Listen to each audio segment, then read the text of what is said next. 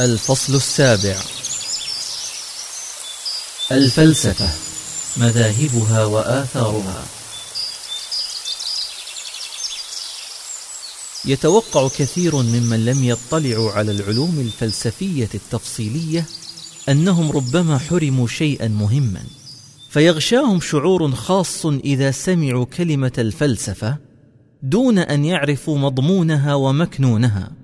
حتى أنت أيها القارئ الكريم لا تستطيع الفكاك من شيء ولو يسير من هذا الشعور.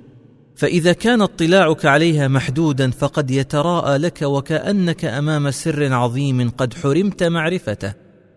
وليس بمقدورك الوصول إليه وأنه قد فاتك أمر جلل يهمك معرفته في حياتك.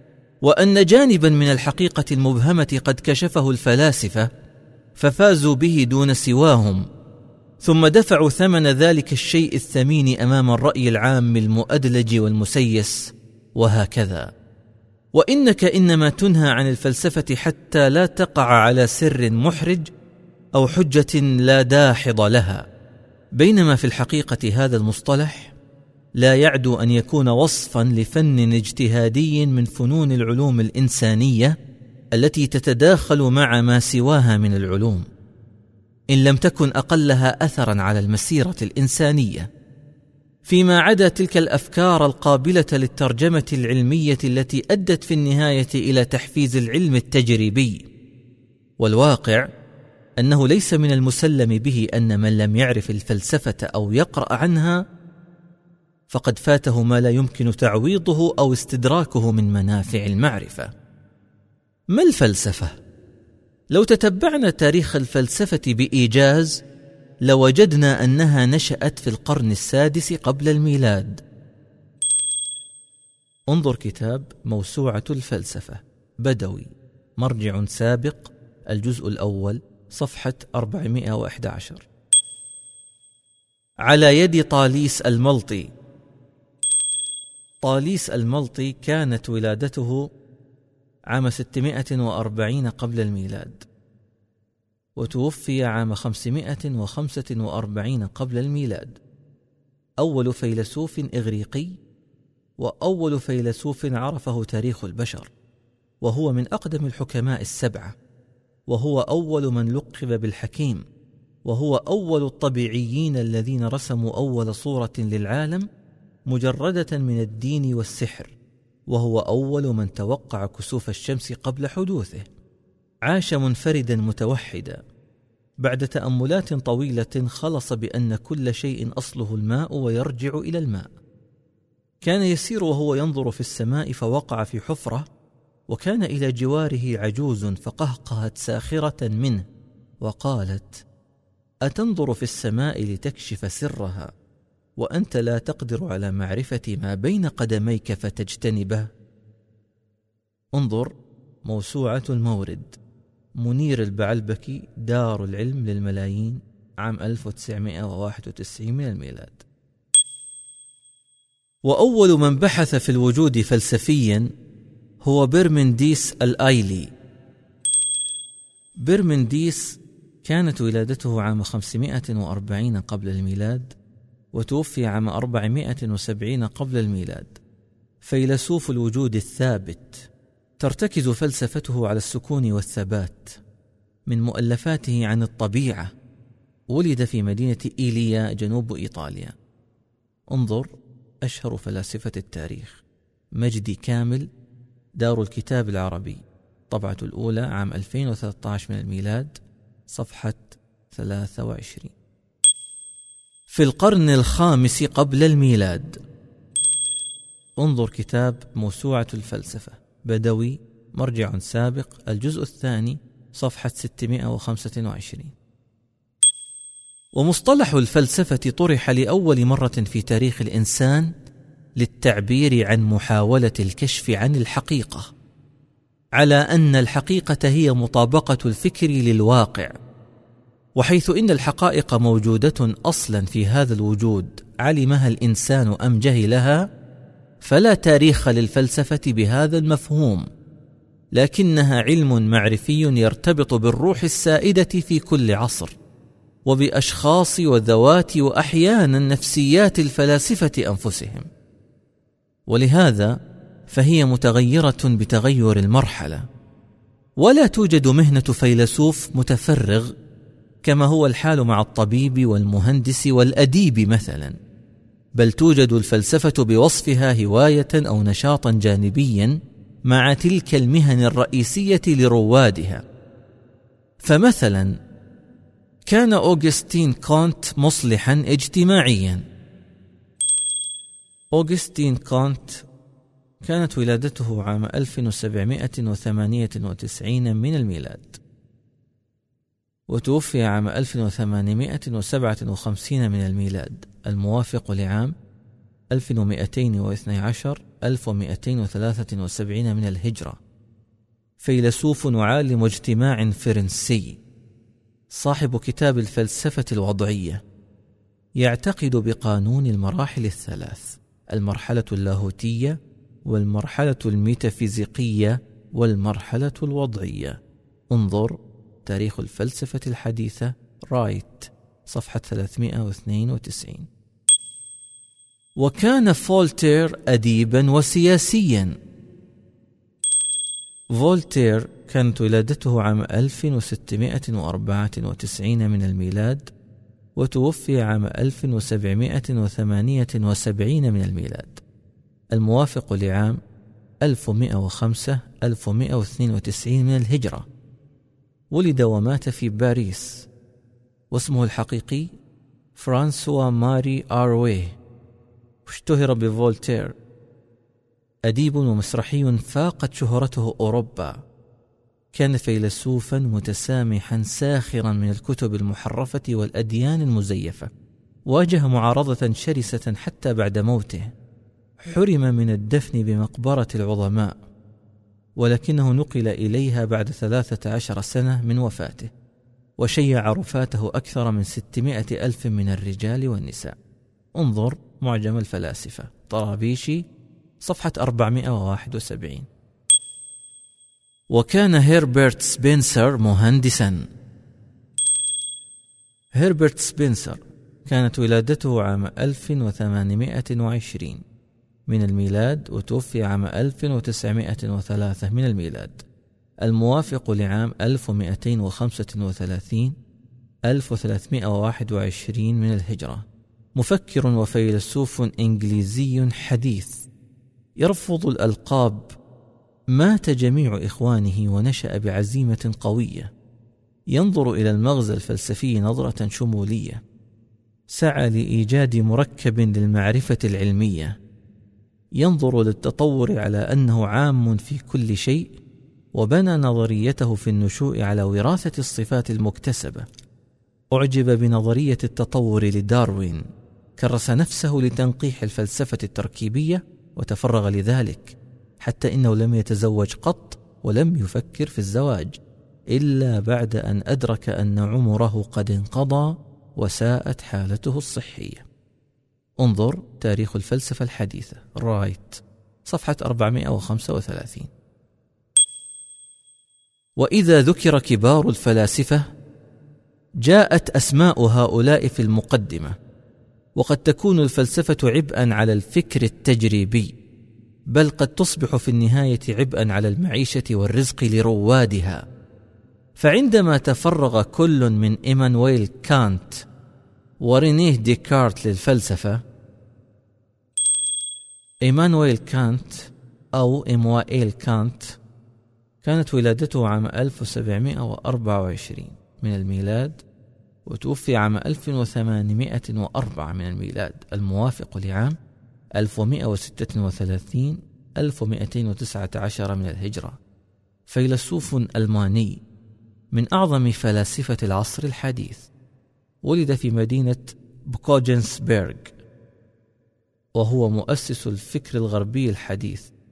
انطلقت فلسفته من العلوم المادية الدقيقة مثل الفيزياء والفلك ونشأة الكون لتكوين نظرة معرفية شاملة في الكون.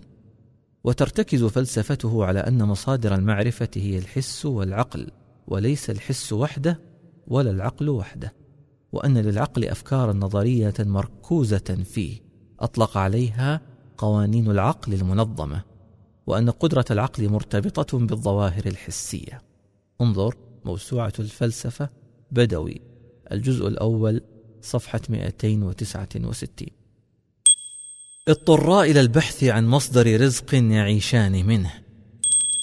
انظر موسوعة الفلسفة بدوي مرجع سابق الجزء الأول صفحة 413 إقرارا ضمنيا منهما بأن الفلسفة وحدها لا تسمن ولا تغني من جوع من الناحية المادية وأنها مهنة إضافية على حياة الإنسان يمارسها أوقات فراغه متى شاء. وهذا يجعل مجمل أفكار الفلاسفة أفكارا استرخائية تتغير في الشدائد وأن الأفكار التي تولدت في الشدة كانت تعكس روح النقمة والثأر كتلك الأفكار التي جاء بها أمثال نيتشه وماركس. وإذا كان العلم التجريبي التراكمي هو محاولة من الإنسان للسيطرة على الطبيعة وتسخيرها لمنافعه فقد كانت الفلسفة وسيلته الأولى لنيل حريته واسترداد إنسانيته وكرامته. وإن تعجب فعجب أنه في الوقت الذي ارتبط فيه مصطلح الفلسفة عند بعض الناس على أنه بوابة للشك فإن هذا العلم قد نشأ أصلا من الإقرار بالألوهية. فقد كان اليونان القدماء يطلقون على من يشتغل بعلوم الكون وعلله سوفوس أي الحكيم. ومنه اشتقاق الحكمة صوفيا وتأبى الفطرة السليمة إلا أن تتحرك لدى فيثاغورس. فيثاغورس كانت ولادته عام 580 قبل الميلاد وتوفي عام 500 قبل الميلاد فيلسوف يوناني. أسس مدرسة الفلسفة الإيطالية القديمة. كان جادا في حياته.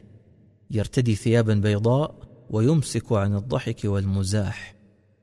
يرد جميع الموجودات إلى أصل واحد ويرى غاية الإنسان أن يكون على وفاق مع الإلهي وأن يتبع الله. انظر معجم الفلاسفة طرابيشي صفحة 480 وتأبى الفطرة السليمة إلا أن تتحرك لدى فيثاغورس في القرن السادس قبل الميلاد فيعترض على هذا المصطلح قائلا إن الحكيم هو الإله وحده وما أنا إلا فيلسوف أي محب للحكمة فأدخل عليها كلمة فيلو وتعني محب. ليصبح المصطلح فيلوسوفيا. وعند ترجمة كتب اليونان القديمة عرب هذا المصطلح إلى فلسفة وتعني الحكمة والمشتغل فيها هو الفيلسوف انظر الفلاسفة الإسلاميون بين المعتزلة والأشاعرة. علي مصطفى موقع شبكة الآلوكة عبر الشبكة العنكبوتية.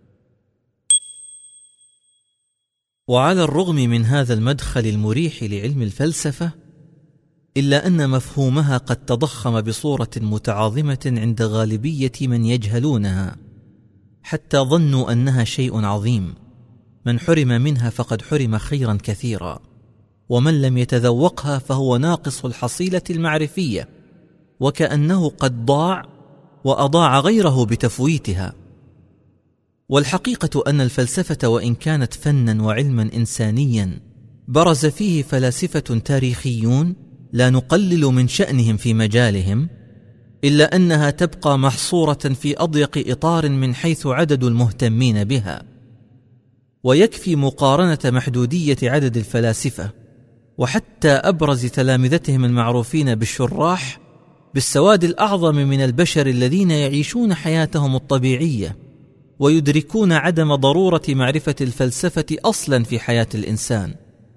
ويمكن القول بكل طمأنينة إن الفلسفة بمباحثها القديمة لا مستقبل لها في عالم اليوم ولكنها بمفاهيمها الجديدة وسيلة فاعلة لتطوير آليات الحركة العقلية لفهم الأشياء ورسم استراتيجياتها وخططها المستقبلية في جميع جوانب الحياة السياسية والاقتصادية والاجتماعية.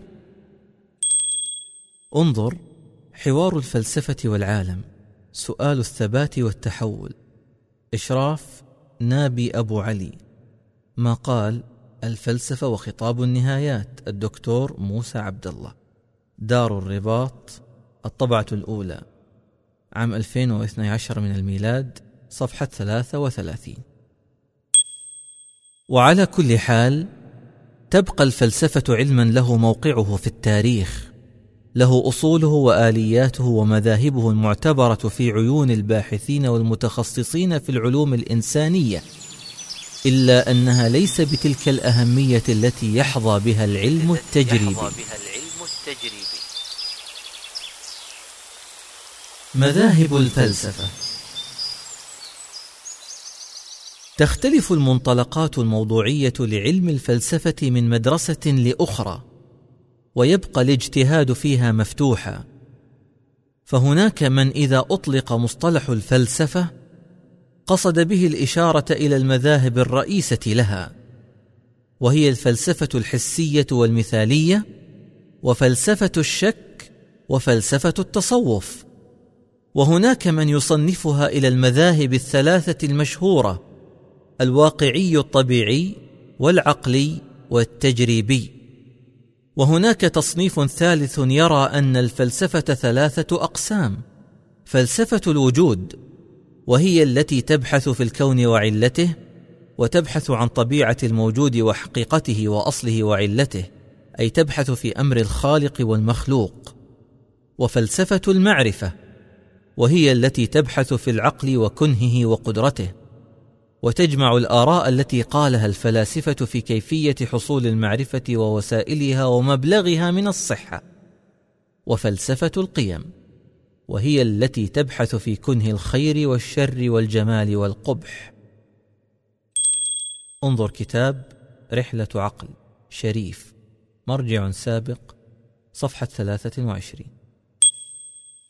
وهناك من يقسم الفلسفة إلى شرقية تشمل حضارات الصين والهند ويقول إنها تقوم على الدين وفلسفة غربية تقوم على العقل في أوروبا وأمريكا وهناك من يقسمها إلى قديمة وحديثة وهكذا اجتهادات بشرية متعددة ولا مشاحة في ذلك.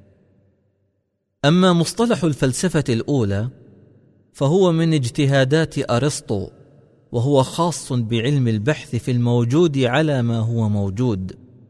وأطلق المتأخرون على الفلسفة مصطلح الإلهيات وسماها ابن رشد علم ما بعد الطبيعة. ابن رشد كانت ولادته عام 1126 وتوفي عام 1198 من الميلاد الموافق لعام 520 595 من الهجرة. هو محمد بن أحمد ابن محمد ابن رشد ويلقب بالحفيد ويكنى أبا الوليد. ولد في قرطبة لأسرة عريقة في العلم. تعمق في العلوم النقلية والعقلية الطبيعية. يعد الشارح الأول لفلسفة أرسطو. اهتم بمشكلات العقل والنقل. وأثر بقوة في الفكر الأوروبي في العصور الوسطى. من أهم مؤلفاته بداية المجتهد ونهاية المقتصد في الفقه المقارن وتهافت التهافت في الفلسفة ويعد شخصية متعددة المواهب فهو قاض وفيلسوف وطبيب وفقيه. انظر موسوعة الفلسفة. بدوي الجزء صفحة تسعة عشر. وعرفها ديكارت بأنها معرفة الأمور المعقولة. وانتهى بعض الشراح إلى أن الفلسفة الأولى هي ما يعرف بالميتافيزيقيا ما وراء الطبيعة.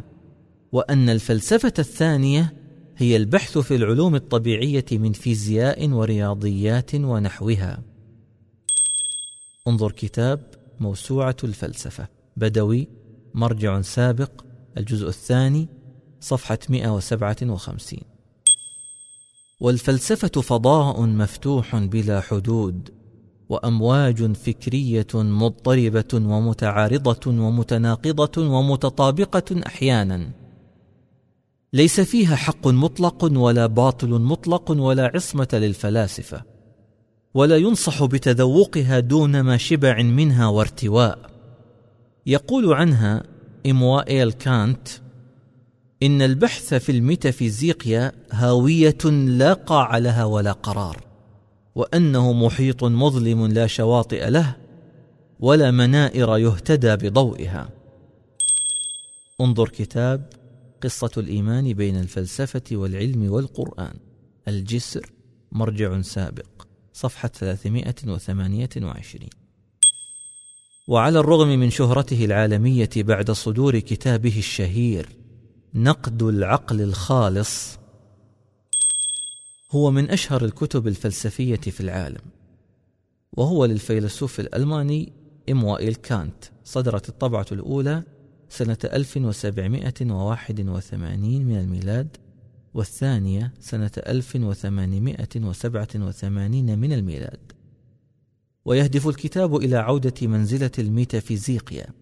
وهي فرع من الفلسفة ويبحث في الحقيقة الأولية للوجود. انظر مدخل إلى الفلسفة السياسية. محمد وقيع الله أحمد دار الفكر دمشق عام 2012 صفحة 327 فقد تنامى عنده شعور إيماني خاص في آخر حياته ورغبة شديدة للمحافظة على الأقل بأصول إيمانه الذي غرسته فيه أمه أيام طفولته. هكذا كان يتمنى ويقول عن نفسه بعيدا عن فلسفته وشهرته التي تجاوزت أوروبا إلى العالم كله علما أنه كان محسوبا على الفلاسفة المؤمنين بوجود الله إلى حد كبير. وحتى لا نذهب بعيدا في تفصيل تباين التصورات الفلسفية نكتفي بما استقر عليه تصنيفها عند المتأخرين الذين حصروها في مذهبين رئيسين. المذهب الأول الفلسفة النظرية. ويقصدون بها البحث في ثلاثة مجالات.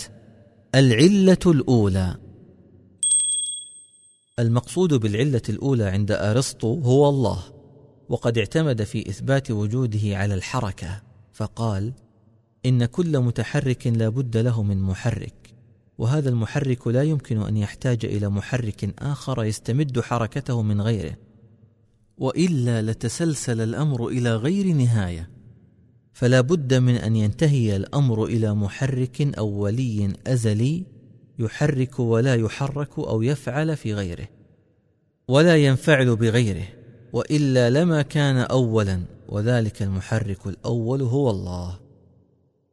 انظر تلخيص ما بعد الطبيعة لأرسطو.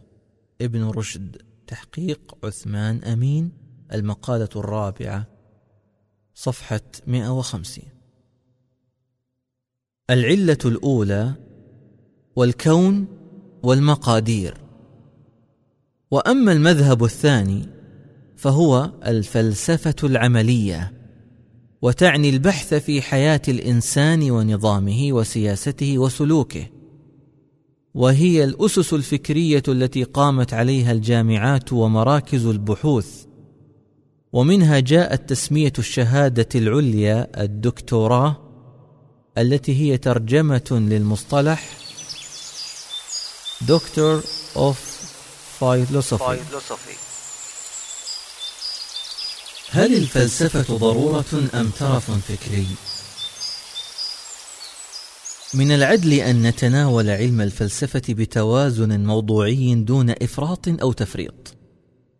ومن الطبيعي أن يكون التقليل من أثر الفلسفة مثيرا لكل مريد للفلاسفة أو معجب بها. وقد قالها من قبل جون ستيوارت ميل جون ستيوارت ميل كانت ولادته عام 1806 من الميلاد وتوفي عام 1873 من الميلاد. الموافق لعام 1221 1290 من الهجرة. فيلسوف إنجليزي يعتمد في دراساته على المنطق والبحث العلمي ومن أكبر دعاة مذهب المنفعة. انظر موسوعة الفلسفة بدوي الجزء الثاني صفحة 466 وقد قالها من قبل جون ستيوارت ميل منتصرا لرفقائه الفلاسفة الفلسفة التي تظهر للسطح كشيء بعيد للغاية عن قضايا الحياة والاهتمامات الظاهرية للبشر هي في الحقيقة الشيء على الأرض الذي له أبلغ الأثر عليهم.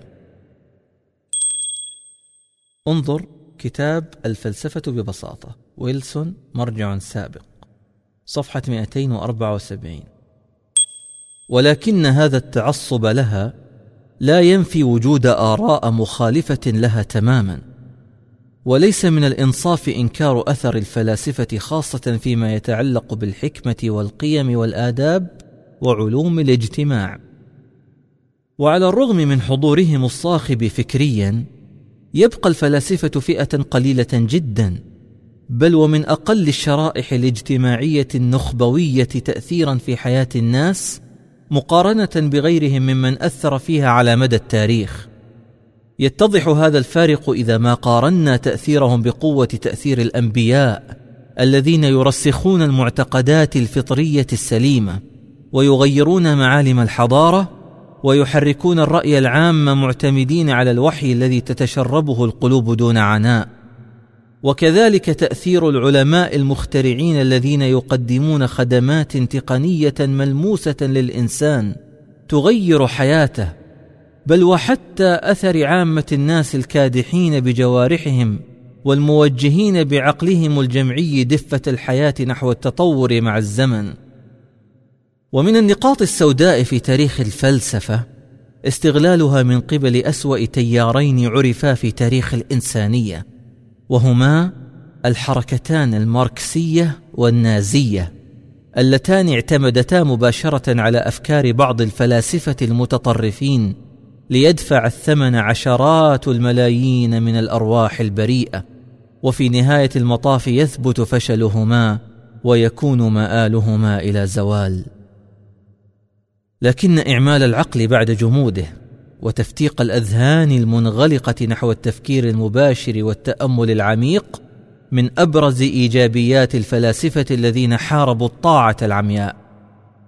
وخرجوا على كثير من المألوف الجامد في تاريخ البشرية واستهدفوا الأتباع الرعاع الذين كان يعبث بعقولهم الإقطاعيون والأحبار والرهبان. حتى وصل الأمر ببعض الفلاسفة أن كفروا بآلهة اليونان واعتبروا القائمين عليها كذابين فاسدين محتالين. ثم كرسوا جهودهم يبحثون عن الإله الحق. وسبب ذلك أن فطرتهم توحي لهم بوجوده كاملا منزها. فقرروا البحث عن أصل ثابت غير متغير ومجرد من صفات الموجودات الناقصة التي يدركونها أمامهم. بحيث يصبح هذا الثابت إلها كاملا موجدا لكل موجود وهم بذلك يبحثون عن الخالق. انظر كتاب قصة الإيمان بين الفلسفة والعلم والقرآن الجسر مرجع سابق صفحة 32 وإذا كان الفلاسفة والمفكرون وأهل المنطق هم طليعة المبشرين بالمذهب العقلي المادي وحده فإن الأنبياء يتقدمون البشرية بلا منافس وذلك لأنهم يحملون لواء البيان الحسي والعقلي والغيبي عن ربهم من خبر الوحي الذي يبقى مع الزمن ثابتا بينما تزول آراء المخالفين له وأفكارهم. فدور الأنبياء جوهري في تبليغ وترسيخ أصول هذه الأديان السماوية الباقية والمعروفة. التي لازمت الأجيال روحيا وسلوكيا خاصة باتحاد رسالاتهم من حيث المضمون العقدي على التوحيد. وما ارسلنا من قبلك من رسول الا نوحي اليه. إلا نوحي إليه أنه لا إله إلا أنا فاعبدون. ولو اقتصر دور الأنبياء على الإصلاح الديني للدنيا فقط لنافسهم العلماء المخترعون بتصدر قائمة التأثير حضاريا والدخول في تفاصيل حياة الناس المادية وتطويرها. فالناس أعلم بشؤون دنياهم حتى من النبيين ولكن امتداد دور الأنبياء إلى ترتيب أوضاع الحياة وما بعد الموت جعلهم في الصدارة البشرية والاصطفاء الرباني بلا منازع. ولا سيما أن أثرهم باق على الرغم من مرور مئات بل آلاف السنين على رسالاتهم الخالدة حيث كانت رسالاتهم شاملة لترتيب شأن الدنيا بما يكفي لعمارة الأرض وشأن الآخرة. بما يقود للنجاة والخلود في الجنة. وأما العلماء المخترعون رواد التقدم التقني والعلمي فهم القادة الحقيقيون لتغيير ملامح الحضارة البشرية دنيويا. لقد تدرجوا بالإنسان من عصره الحجري إلى عصر المركبات الفضائية والأقمار الصناعية والإلكترون والاتصالات. إنهم أعلم بهذا الفن الدنيوي حتى من الأنبياء الذين يعلونهم قدرا ومكانه ولهذا منحهم المصطفى صلى الله عليه وسلم هذا الحق الدنيوي بقوله الصريح أنتم أعلم بأمور دنياكم. الحديث في صحيح مسلم رقم 2363 أن النبي صلى الله عليه وسلم قال: أنتم أعلم بأمور دنياكم. ويسجل لبعض الفلاسفة دورهم الإيجابي في تحفيز مدارس العلم التجريبي، ولكن ينسب الفضل للمخترع المباشر، وتربط المخترعات باسم أصحابها. وأما أثر عامة الناس في تطور حياة الإنسان فإيجابيتهم تكمن في أنهم مادة البشر ومنجم معادنه وميدانه الذي تنطلق منه وإليه التجارب فمنهم يتشكل الرأي العام والعقل الجمعي الذي يجب أن يكون في الاتجاه الإيجابي للأمة وهم من يصنع العرف السائد والعادة والتقليد الاجتماعي. هم الذين يستقبلون المنتج العلمي فيفعلونه ويسوقونه ويطورونه ويصبحون بذلك تابعين مؤازرين لعلمائهم في بحوثهم التطويرية والتكبيليه هذا علاوة على أن عامة الناس هم ميدان اختبار وتطبيق وتجريب كل اختراع علمي جديد وهم من يتحمله ويحمله ويقومه عبر الأجيال أيضا. أما الفلاسفة وإن أضافوا نوعا من الترتيب المعرفي المتناثر فهم أقل هذه الفئات تاثيرا. بل لربما أصبح ضررهم في بعض الأحيان أكثر من نفعهم. كما هو الحال في فلاسفة الشؤم والشدة والأفكار الماركسية التي بسببها ارتكبت أبشع جرائم الإنسان ضد الإنسان من قتل وتشريد وإكراه على المعتقد. إن سبب محدودية أثر الفلاسفة في حياة الناس هو أنهم جاءوا في موقع هلامي بين الأنبياء الذين يعمرون الدنيا والآخرة بالوحي وبين العلماء الذين يعمرون الدنيا بالعلم التجريبي فليسوا بأنبياء يستظلون تحت ظل الوحي ويتمتعون بالعصمة الإلهية. وليسوا أيضا بعلماء ذوي فضل دنيوي لا ينكر أثرهم في حياة الناس في الدنيا إلا مكابر. وعادة ما يوصف الفلاسفة بأنهم أهل كلام وتنظير وخيال مجرد. بل قد يصبحون عالة اقتصادية على العاملين والكادحين. وكل من حاول الربط بين أفكار بعض الفلاسفة وبين العلم التجريبي كمن يقول إن أرسطو هو المعلم الأول للحضارة الغربية وفرانسيس بيكون هو مفسرها فهو بذلك يخلط الحق بالباطل ويمارس تكلفا في نسبة الفضل إلى غير أهله ويفتقر إلى ما يثبته في عالم الواقع. فلم يكن إسحاق نيوتن إسحاق نيوتن كانت ولادته عام 1642 من الميلاد وتوفي عام 1727 من الميلاد. الموافق لعام 1052 1139 من الهجرة. فيزيائي ورياضي إنجليزي. وصاحب فلسفة علمية جبارة. ويعد من أعظم رواد تحرير الطبيعيات من التكهنات والفرضيات المبهمة. ولد يتيما في إنجلترا ونشأ بطفولة حزينة. من أهم إنجازاته المبادئ الرياضية للفلسفة الطبيعية وكتاب البصريات. انظر موسوعة الفلسفة عبد الرحمن بدوي المؤسسة العربية للدراسات والنشر طبعة الأولى. عام 1984 من الميلاد الجزء الثالث صفحة 348 فلم يكن إسحاق نيوتن مثلا الذي أثبت إيمانه بوجود الله بقوله في غياب أي دليل آخر الإبهام وحده من شأنه أن يقنعني بوجود الله. وبقوله أيضا الإله بمنزلة الخالق الأعظم الذي لا يمكن إنكار وجوده عند النظر إلى عظمة المخلوقات جميعا وبهائها. انظر كتاب أخبار الفلاسفة قديما وحديثا.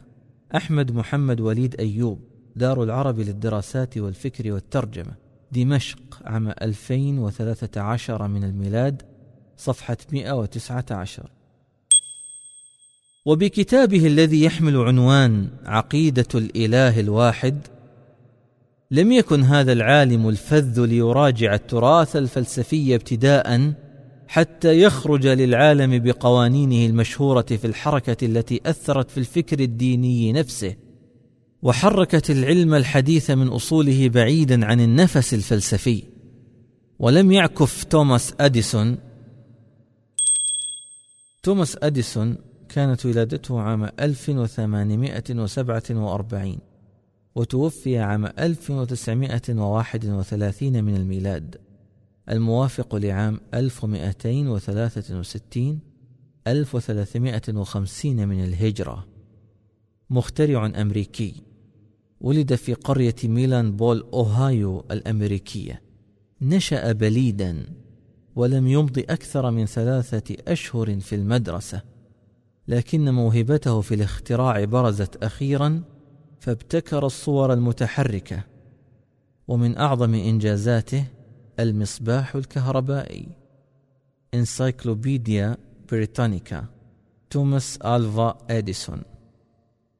ماثيو جوزفيسون last updated 1 5 2014 ولم يعكف توماس إديسون على كتب الفلاسفة ليخترع للبشرية هذا المصباح الكهربائي الذي أنار لهم ولفلاسفتهم ظلام الليل وظلام تيه الفلاسفة أنفسهم والقائمة تطول مع غيرهم من العلماء التجريبيين. انظر كتاب قصة الإيمان بين الفلسفة والعلم والقرآن الجسر مرجع سابق صفحة 326 الفلسفة ليست شرا محضا. الموضوعية في تقييم الفلسفة أولى من الغلو فيها أو الجفاء عنها. فالفلسفة ليست شرا محضا ولا خيرا محضا. بل هي مزيج من النتائج التي حددتها مقدماتها. وضررها يقل وفائدتها تزداد كلما تناولها الباحثون عن الحقيقة من أبوابها الصحيحة وبمقاديرها الفكرية المتدرجة المكتملة. لكن يجب التنبيه بل والتحذير بقوة من أن الاقتراب من علم الفلسفة دون التبحر به أخطر بكثير من التعمق فيه. فهي كما وصفها نديم الجسر نديم الجسر مفتي طرابلس ولبنان الشمالي. أورد هذه النصيحة على لسان أبو النور الشيخ الموزون السمرقندي الشخصية الثانية في كتابه قصة الإيمان بين الفلسفة والعلم والقرآن صفحة 21 فهي كما وصفها نديم الجسر بقوله ناصحا الشباب ورحمتاه لكم يا شباب هذا الجيل أنتم المخضرمون بين مدرسة الإيمان عن طريق النقل ومدرسة الإدراك عن طريق العقل. تلوكون قشورا من الدين وقشورا من الفلسفة وإن الفلسفة سبيل الإلحاد. فيقوم في عقولكم أن الإيمان والفلسفة لا يجتمعان وأن الدين والعقل لا يأتلفان وما هي كذلك؟ بل هي سبيل للإيمان بالله عن طريق العقل الذي بني عليه الإيمان كله. ولكن الفلسفة بحر على خلاف البحور. يجد راكبه الخطر والزيغ في سواحله وشطآنه والأمان والإيمان في لججه وأعماقه. انظر كتاب قصة الإيمان بين الفلسفة والعلم والقرآن الجسر مرجع سابق. صفحة 21 وقد وافقه تماما على هذا الوصف الدقيق الفيلسوف باسكال عندما قال إذا كان قليل من الفلسفة يبعد عن الله فالكثير منها يرد إلى الله. انظر كتاب قصة الإيمان بين الفلسفة والعلم والقرآن. الجسر مرجع سابق صفحة 125 ولكن لا بد من الاستزادة اولا بزاد الوحي الذي يطمئن إليه كل متردد سواء أخذ بقليل أو بكثير من علم الفلسفة. وعلى الرغم من هذا الضجيج العالمي حول الفلسفة إلا أنها لم تكن وثيقة الصلة كل الصلة بالحياة الروحية للإنسان كما يتوقعه الكثير من الناس. فالرومان مثلا كانوا يطلبون من الفيلسوف أن يكون موجها لمحاسبة الضمير وحياتهم قائمة بشأنها فيما سوى ذلك. بينما أراد البابوات في القرن الثالث عشر من الفلاسفة حماية العالم المسيحي من الأفكار الإسلامية. وفي القرن الثامن عشر طلب من الفلاسفة تحرير العقول من التقاليد الموروثة ودفعه نحو التحرر منها. انظر كتاب موسوعة الفلسفة بدوي مرجع سابق الجزء الأول صفحة 413 والعلم والفلسفة قرينان يتباعدان أحيانا ثم ما يلبثان أن يقتربا مرة أخرى. وقد كان العلم جزءا من الفلسفة في العصور اليونانية القديمة. واتسع مفهوم الفلسفة ليتجاوز علم الكون الطبيعي في عهد الفيلسوف طاليس. إلى أن أصبح شاملا لجميع العلوم في عصر ديمقراطس ومن بعده أفلاطون. أفلاطون كانت ولادته عام 428 قبل الميلاد وتوفي عام 348 قبل الميلاد. هو مؤسس الفلسفة المثالية وتلميذ سقراط ومعلم أرسطو. ولد في أثينا وهو من أشهر الفلاسفة. ويعد هو وتلميذه أرسطو من أعظم الفلاسفة في التاريخ الإنساني. انظر موسوعة الفلسفة. بدوي الجزء الأول صفحة 154 ثم تلميذه أرسطو. ثم بعد ذلك تطور العلم متجاوزا إطار الفلسفة وكأنه على وشك الانفكاك منها ليتفوق الدين على الفلسفة في العصور الوسطى. حتى ذابت الفلسفة تماما في الدين في القرن الثاني عشر. وفي العصر الحديث القرن الثامن عشر انفصل العلم والدين عن الفلسفة نهائيا. ثم أصبح العلم هو المؤثر في الفلسفة في القرن التاسع عشر. حتى كادت الفلسفة تختفي بالعلم إلى أن استقلت نهائيا عن العلم بعد الحرب العالمية الأولى بعد أن شب العلم عن طوقها وتجاوزها بمراحل. ويختلف الناس في تقبلهم ورفضهم لدور الفلاسفة في تطور العلم الحديث. ففي الوقت الذي يمجدهم فيه من يرون أنهم مهدوا للفكر العلمي التجريبي الذي هو أساس الحضارة المعاصرة نجد آخرين على النقيض. كالفيلسوف الفرنسي الكاثوليكي ماريتان. ماريتان كانت ولادته عام 1882 وتوفي عام 1975 من الميلاد. الموافق لعام 1299 1395 من الهجرة. فيلسوف فرنسي على منهج التوما الإكويني تحول من المذهب البروتستانتي إلى الكاثوليكي متخليا عن كل ماضيه. انظر موسوعة الفلسفة. بدوي الجزء الثاني صفحة 424 الذي يعد كلا من مارتن لوثر وديكارت وجان روسو مصادر البلوى التي تعانيها المسيحية اليوم. مارتن لوثر كانت ولادته عام 1483 وتوفي عام 1546 من الميلاد. الموافق لعام 888 من الهجرة 953 من الهجرة. مؤسس المذهب البروتستانتي العالمي ولد في ألمانيا وعارض تقاليد اللاهوت المسيحي. يرى أن الله يعرف بالفطرة. انظر موسوعة الفلسفة. بدوي مرجع سابق. الجزء الثاني صفحة 363 جان جاك روسو كانت ولادته عام 1712 وتوفي عام 1778 من الميلاد. الموافق لعام 1124 1192 من الهجرة. فيلسوف الروح والعقل ولد في جنيف. عانى عقدة الشعور بالاضطهاد وكاد يقترب من الجنون. عاطفي جدا. ومثير للعواطف يغلب العاطفة على العقل. يعتقد أن الإنسان خير بطبعه. من أشهر كتبه العقد الاجتماعي نشره عام 1762 من الميلاد. انظر تاريخ الفلسفة الحديثة. رايت صفحة 237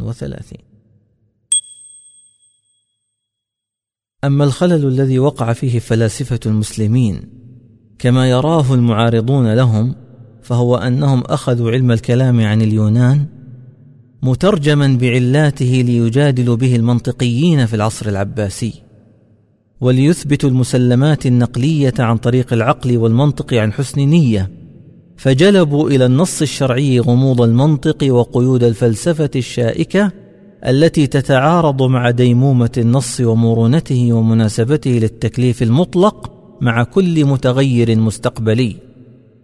ثم ما لبثوا أن استحسنوا حرية البحث في هذا المجال وتعمقوا أكثر إلى قضايا لربما فقدوا معها بوصلة اتجاه إبحارهم في محيطات تلاطمت فيها أمواج الفكر حتى كادت تغرقهم. فلم يجدوا عمقا لهذا الفن إلا لدى الأمم السابقة وخاصة اليونان فتاه بعضهم. وظهر منه ما لم يستطع معه المجتمع الفطري تقبله فصدرت من بعض الغيارى مواقف وأوصاف حادة في حق بعض فلاسفة المسلمين. ليس بالضرورة أن تكون مبررة في كل حال. وقابل بعضهم علوم الفلسفة والمنطق بالرفض التام واتهام المنطقيين بالزندقة حتى قال أحد الرافضين للمنطق مقفلا بابه بالكلية من تمنطق فقد تزندق. هذه العبارة قالها إمام الحديث ابن الصلاح الشهرزوري المتوفى سنة 643 من الهجرة واستخدمها شيخ الإسلام ابن تيمية المتوفى سنة 729 من الهجرة واستخدمها أيضا العثمانيون الأتراك في وصف من يستخدمون المنطق في تأويل الأسماء والصفات وعلم الغيب. والحقيقة التي ربما غابت عن الكثير ممن سبقونا في هذا الفن هي أن المسلمين وإن كانوا لا يحرمون علما مباحا في أصله ولا ينفرون من فن مستحسن إلا أنهم ليسوا في حاجة للمرور من النفق نفسه الذي مرت به الأمم الأخرى فلسفيا ومنطقيا للوصول إلى الحقيقة. حيث لا وحي لديهم ولا كتاب محفوظا عندهم كما هو حال المسلمين بحمد الله. فلجأوا للمنطق بحثا عن علاج للمشكلات المعرفية المستعصية على الفكر البشري. أما حال المسلم الثابت على فطرته المستنير بوحي ربه أمام علم المنطق وفنون الفلسفة فهو الاستغناء بالوحي والاستئناس بالفطرة مع الحياد اليقظ. وهذا ما أكده شيخ الإسلام ابن تيمية بقوله فإني كنت دائما أعلم أن المنطق اليوناني لا يحتاج إليه الذكي ولا ينتفع به البليد. قال شيخ الإسلام أحمد بن تيمية في مجمع الفتاوى المجلد التاسع صفحة 82 فإني كنت دائما أعلم أن المنطق اليوناني لا يحتاج إليه الذكي ولا ينتفع به البليد. ولكن كنت أحسب أن قضاياه صادقة لما رأينا من صدق كثير منها. ثم تبين لي فيما بعد خطأ طائفة من قضاياه وكتبت في ذلك شيئا. ولما كنت بالإسكندرية اجتمع بي من رأيته يعظم المتفلسفة بالتهويل والتقليد. فذكرت له بعض ما يستحقونه من التجهيل والتضليل واقتضى ذلك أني كتبت في قعده بين الظهر والعصر من الكلام على المنطق ما عقلته, ما تلك, عقلته الساعة. تلك الساعة. تعاظم ذوات الفلاسفة وأفكارهم. في كثير من الحالات ينطلق الفيلسوف من ذاته المتضخمة إلى فضاء مفتوح لا يحده سقف. ويصل الغرور ببعضهم أن ينسى من حوله فيتمدد بكل اتجاه. لقد تخيل الفيلسوف الألماني هيجل جورج ويليام هيجل كانت ولادته عام 1770 وتوفي عام 1831 من الميلاد. الموافق لعام 1184 1246 من الهجرة. ولد في مدينة شتوتغارد الألمانية ويعد أبا الفلسفة المثالية الحديثة. ومن أشهر مؤلفاته جيمس ستيوارت ظاهريات الفكر علم المنطق موسوعة العلوم الفلسفية. انظر أشهر فلاسفة التاريخ. مجدي كامل صفحة 69 لقد تخيل الفيلسوف الألماني هيجل أن التاريخ سيتوقف بقيام الدولة البروسية التي يحلم بها. وتخيل كارل ماركس. كارل ماركس كانت ولادته عام 1818 وتوفي عام 1883 من الميلاد. الموافق لعام 1232 1300 من الهجرة. هو مفكر اقتصادي وسياسي ألماني ولد من أبوين يهوديين وهو المسؤول مع إنجلز عن وجود فكر الماركسية التي أطلقها خصومه على مذهبه الاقتصادي السياسي والأيديولوجي. من أشهر كتبه رأس المال. انظر موسوعة الفلسفة بدوي الجزء الثاني صفحة 418 وتخيل كارل ماركس أن التاريخ سينتهي بقيام الشيوعية التي يحلم بها. وادعى فرانسيس فوكوياما فرانسيس فوكوياما فيلسوف أمريكي معاصر ومن أشهر كتبه نهاية التاريخ. ولد عام 1952 من الميلاد. انظر وهم الإلحاد شريف. صفحة 34 وتخيل فرانسيس فوكوياما أن التاريخ سيتوقف بعد سيادة الأفكار الليبرالية الغربية. انظر كتاب مدخل إلى الفلسفة السياسية. محمد وقيع الله أحمد. مرجع سابق صفحة 129 التي يحلم بها هو الآخر وهكذا. ولعل حساسية القضايا التي يتطرق إليها هؤلاء الفلاسفة خاصة فيما لها علاقة بالميتافيزيقيا أو الغيبيات نتج عنها هذا الدوي المزعج الذي تركوه خلفهم والذي يفوق حجمهم الطبيعي بدرجات حيث لا يخلو الأمر من مبالغات في أقوالهم وآرائهم ولكن الأهم من هذا كله أن لا يتلقاها الأسوياء وكأنها مسلمات مقدسة صادرة ممن لا يسأل عما يفعل. في وقت لا نكاد نجد من تراثهم إلا رفاتهم هذا إن وجد. بينما نرى عموم الناس مختلفين حوله اختلافا لا يرجى معه اتفاق. والفلاسفة كغيرهم من سائر الناس يجتهدون في فنهم الخاص فيخطئون ويصيبون ويختلفون ويتناقضون. ولكن تركيزهم على الغيبيات التي لا سبيل لمعرفتها من دون الوحي أدخلهم في أنفاق مظلمة. فآراؤهم أقرب إلى غرائب التفكير في الوجود منها إلى المسلمات الصحيحة. ولو تتبعنا تاريخ البشرية لوجدنا عدد الفلاسفة لا يشكل رقما يذكر في محيط بلايين الناس من أهل الفطرة السوية. ممن لا ينتظرون بحال موقف فيلسوف أو رأي مفكر ليفسر لهم سر الوجود ومآلاته. فالفلاسفة بآرائهم الغريبة أحيانا يبدون للناس وكأنهم مجرد ذرات غبار لا تكدر صفاء المحيط الفطري العظيم لبني البشر. وخاصة عندما يصطدمون بجدار الفطرة السوية وجداراتها. ولذلك لا ننكر أن الفلسفة علم من علوم الإنسان وفنونه. ولكن يجب أن توضع في إطارها الطبيعي دون مبالغة في تضخيمها.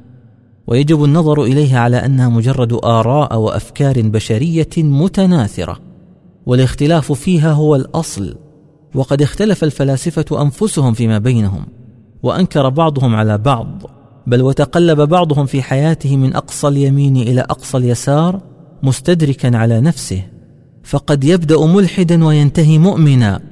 أما الجريمة الكبرى فهي وضع علم الفلسفة البشرية القائم أصلا على قواعد مضطربة في مصاف الوحي المنزل على الرسل من رب الخلق بوصفه مصدرا معرفيا للغيبيات. إنه بحق خطأ جسيم وسوء أدب مع الخالق وضرب من الظلم والإجحاف والتضليل المنكر في حق الوحي المقدس. وصدق الله القائل وما يستوي الأعمى والبصير ولا الظلمات ولا النور ولا الظل ولا الحرور وما يستوي الأحياء ولا الأموات إن الله يسمع من يشاء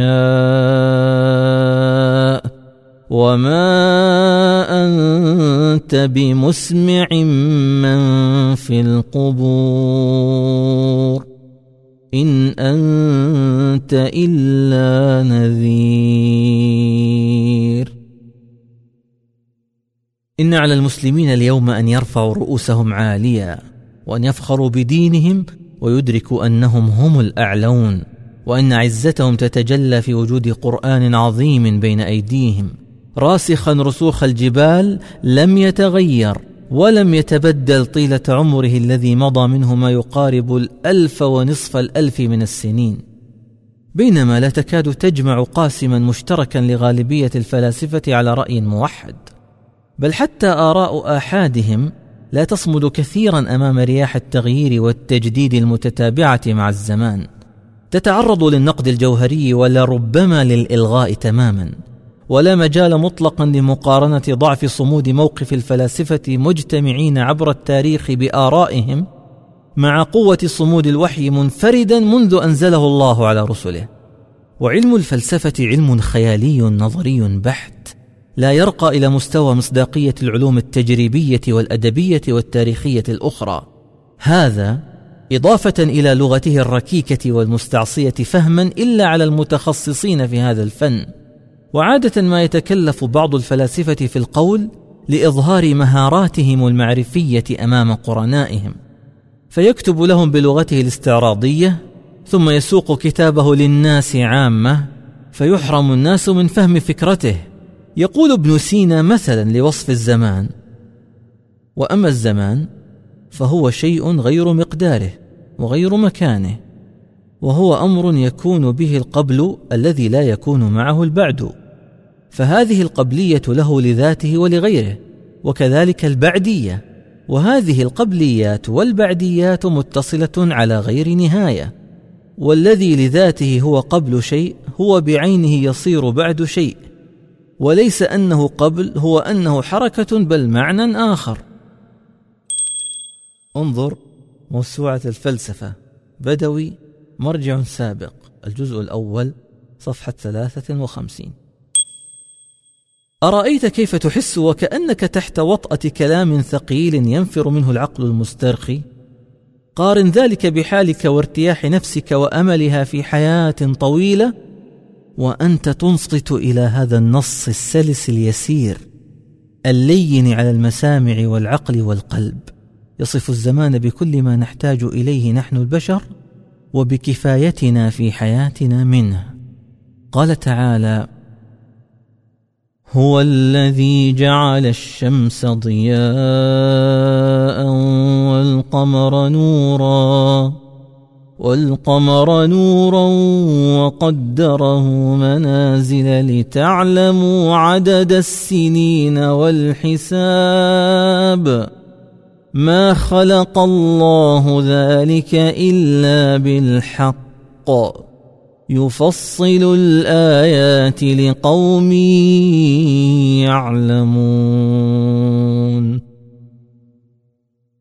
ومن صور التكلف الفلسفي الثقيل قول أرسطو عن الوجود إن أي شيء بالضرورة إما أن يكون أو لا يكون ومن ثم فإنه سوف يكون أو سوف لا يكون ولكن لا يستطيع المرء أن يفصل ويقول إن شيئا من الأشياء أو غيره ضروري. انظر الفلسفة ببساطة. ويلسون مرجع سابق. صفحة 82 ويقول أيضا إن قولنا عما يكون إنه لا يكون أو عما لا يكون إنه كائن قول باطل. في حين أن قولنا عما يكون إنه كائن وعما لا يكون إنه غير كائن هو قول صحيح. انظر الفلسفة ببساطة. ويلسون مرجع سابق. صفحة 228 والحقيقة أن كل ما يحاول قوله بهذا التكلف قد احتوته وزيادة آية قصيرة وجيزة بليغة من سورة القمر. إذا ما تم فهمها في إطار الإيمان بالله والعبودية له في كلمات محدودة ميسرة للفهم العام وخالية من التكلف المنفر. قال تعالى إنا كل شيء خلقناه بقدر الفلاسفة والنفسيات المتأزمة.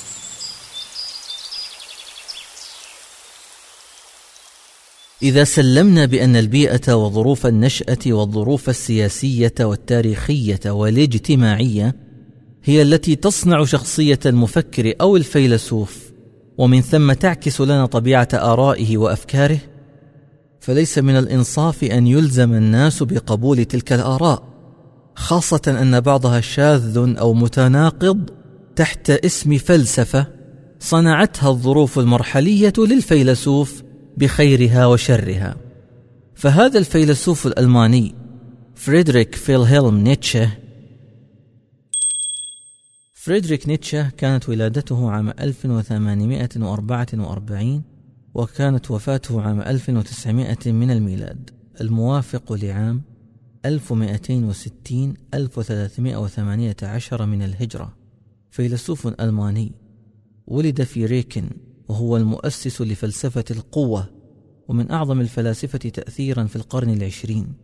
من أشهر مؤلفاته كتاب هكذا تكلم زراديتش وكتاب عدو المسيح انظر موسوعة الفلسفة بدوي الجزء الثاني صفحة 508 فهذا الفيلسوف الألماني نيتشه يعد مرجعا معتبرا للكثير من التيارات المناوئة للدين والوحي والغيبيات لكنه نتاج بيئة مأساوية.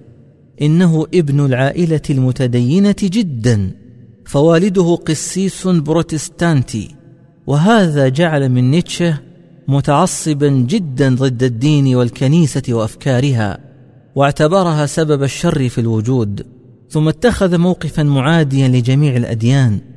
ووالده مقرب من الملوك حتى اختار اسم ابنه فريدريك ابتهاجا باسم الملك فريدريك الكبير. فريدريك الثاني الكبير. كانت ولادته عام 1712 من الميلاد وتوفي عام 1786 من الميلاد.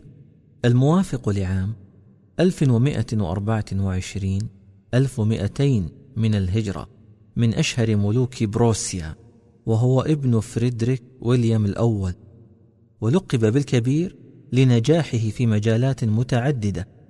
عاصر التنوير وهو حاكم شمولي مستبد ولكنه مستنير. الملك فريدريك الثاني والإسلام الصداقة المزعومة مؤنس مفتاح القدس العربي العدد سبعة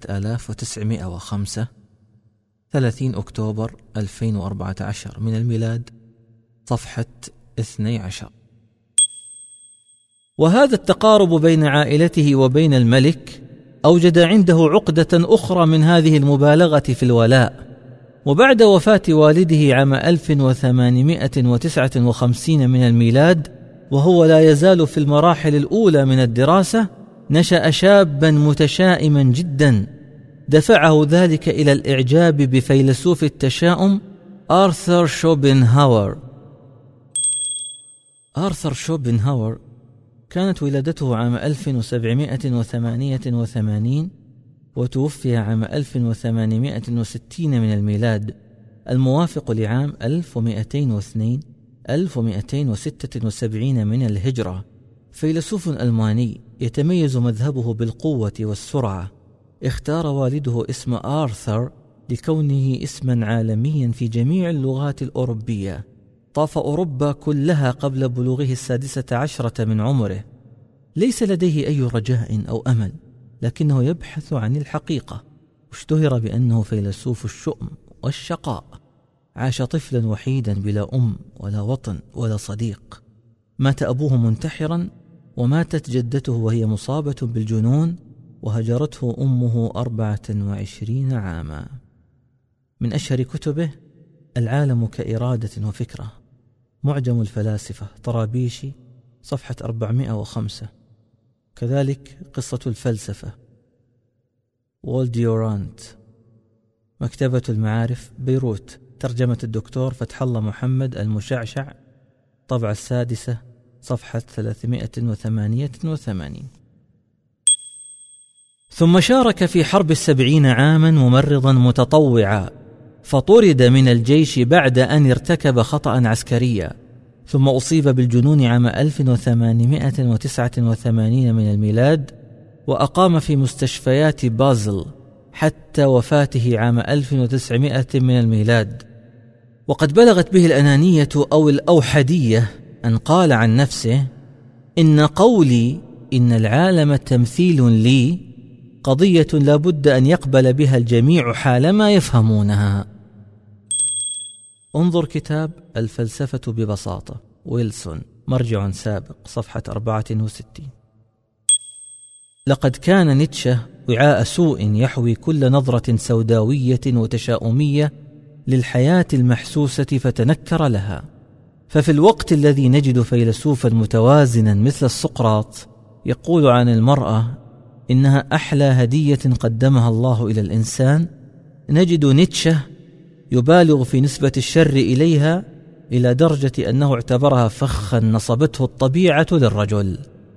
وهو يرفض الماضي تماما والغريب أنه اشتهر بأنه فيلسوف القوة بينما الأولى أن يكون فيلسوف النقمة.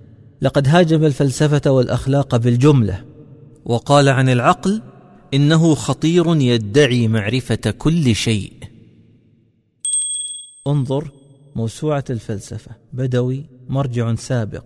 الجزء الثاني صفحة 513 لكنه بهذا الموقف المتطرف يعكس بيئة المصائب والمعاناة التي كابدها فأوصلته إلى هذا المستوى من الانتقام. يقول المفكر والفيلسوف الإسلامي عبد الرحمن بدوي عبد الرحمن بدوي كانت ولادته عام 1917 وتوفي عام 2002 من الميلاد. الموافق لعام 1335 1423 من الهجرة. فيلسوف مصري ومؤرخ وأحد تلاميذ الفيلسوف الفرنسي الشهير لالاند قدم رسالته للماجستير عن مشكلة الموت في فلسفة الوجودية. وقدم رسالته الدكتوراه في الزمان الوجودي.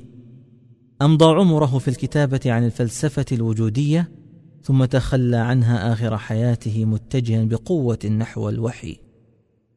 انظر معجم الفلاسفة. طرابيشي صفحة 156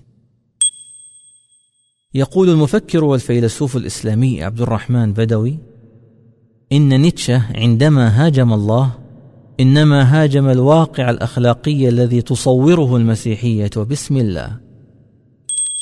انظر موسوعة الفلسفة بدوي مرجع سابق الجزء الثاني صفحة 608 ولك أن تتخيل أخي القارئ أن أفكار نيتشه كانت من أقوى الدعائم التي قامت عليها الحركة النازية. وعلى الرغم مما يعرف عن بعض الفلاسفة من حكم وآراء حصيفة فإن لبعضهم من الغرائب ما لا تجد له تفسيرا منطقيا مقبولا. فمثلا كان أفلاطون مع شهرته العالمية يتدروش ويمشي حافي القدمين ولا يغير ملابسه طوال العام. وهناك مدرسة فلسفية يعرف أتباعها بالكلبيين. وهم مجموعة من الفلاسفة يرون أن حياة الكلب هي المثل الأعلى التسول والزحف. فلا يرتبون مأكلهم ومشربهم ولا يقتنون ثروة ولا يتزوجون بنية تأسيس أسرة. يعتقدون أن الكلب سعيد وراض بحاله جدا في ظل هذه الظروف. لذلك يجب أن يتبع الإنسان هذه الخطوات ليصل إلى السمو. وكان من أشهرهم الفيلسوف ديوغين. ديوغين سينوب كانت ولادته عام 412 قبل الميلاد وتوفي عام 323 قبل الميلاد. هو فيلسوف يوناني يرفض المدانيه ويرى أن الفضيلة في الأفعال وليس النظريات. كرس حياته لهدم قيم المجتمع ومؤسساته. يصرح بانتمائه العالمي ويرفض نسبته إلى دولة أو مدنية. انظر أشهر فلاسفة التاريخ مجدي كامل صفحة 63 وكان من أشهرهم الفيلسوف ديوغين الذي كان عدوا للمدنية. عاش شحاذا في شوارع أثينا وعاش أغلب حياته في برميل كبير وكان يمشي ويحمل مصباحا في النهار يزعم أنه يبحث عن رجل فاضل واحد وكان يرى في الفقر فضيلة. انظر أشهر فلاسفة التاريخ. مجدي كامل مرجع سابق صفحة 63 وكان شوبنهاور لا يحلق شعر وجهه مطلقا. وقد أوصى الفيلسوف الإنجليزي إرميا بنتهام إرميا بنتهام كانت ولادته عام 1748 وتوفي عام 1832 من الميلاد. الموافق لعام 1198 1248 من الهجرة. هو فيلسوف إنجليزي ومنظر للمذهب الحسي على خطى إب كور وهوبز. يرى أن الناس يطلبون اللذة ويتجنبون الألم بالطبع. أنشأ مجلة ويستمنستر للدعوة إلى الإصلاح السياسي. انظر تاريخ الفلسفة الحديثة. كرم. صفحة 332 وقد أوصى الفيلسوف الإنجليزي إيرميا بنتهام أن يحنط جسده بعد موته لما قد يجده الآخرون من سعادة في النظر إليه. انظر كتاب الفلسفة ببساطة. ويلسون مرجع سابق صفحة 85 وحتى إموائيل كانت الذي يعد من أحكم الفلاسفة وأرشدهم عقلا كان يمشي مقنعا خوفا من الإنفلونزا والتلوث ولا يتنفس إلا من أنفه احتياطا للسلامة.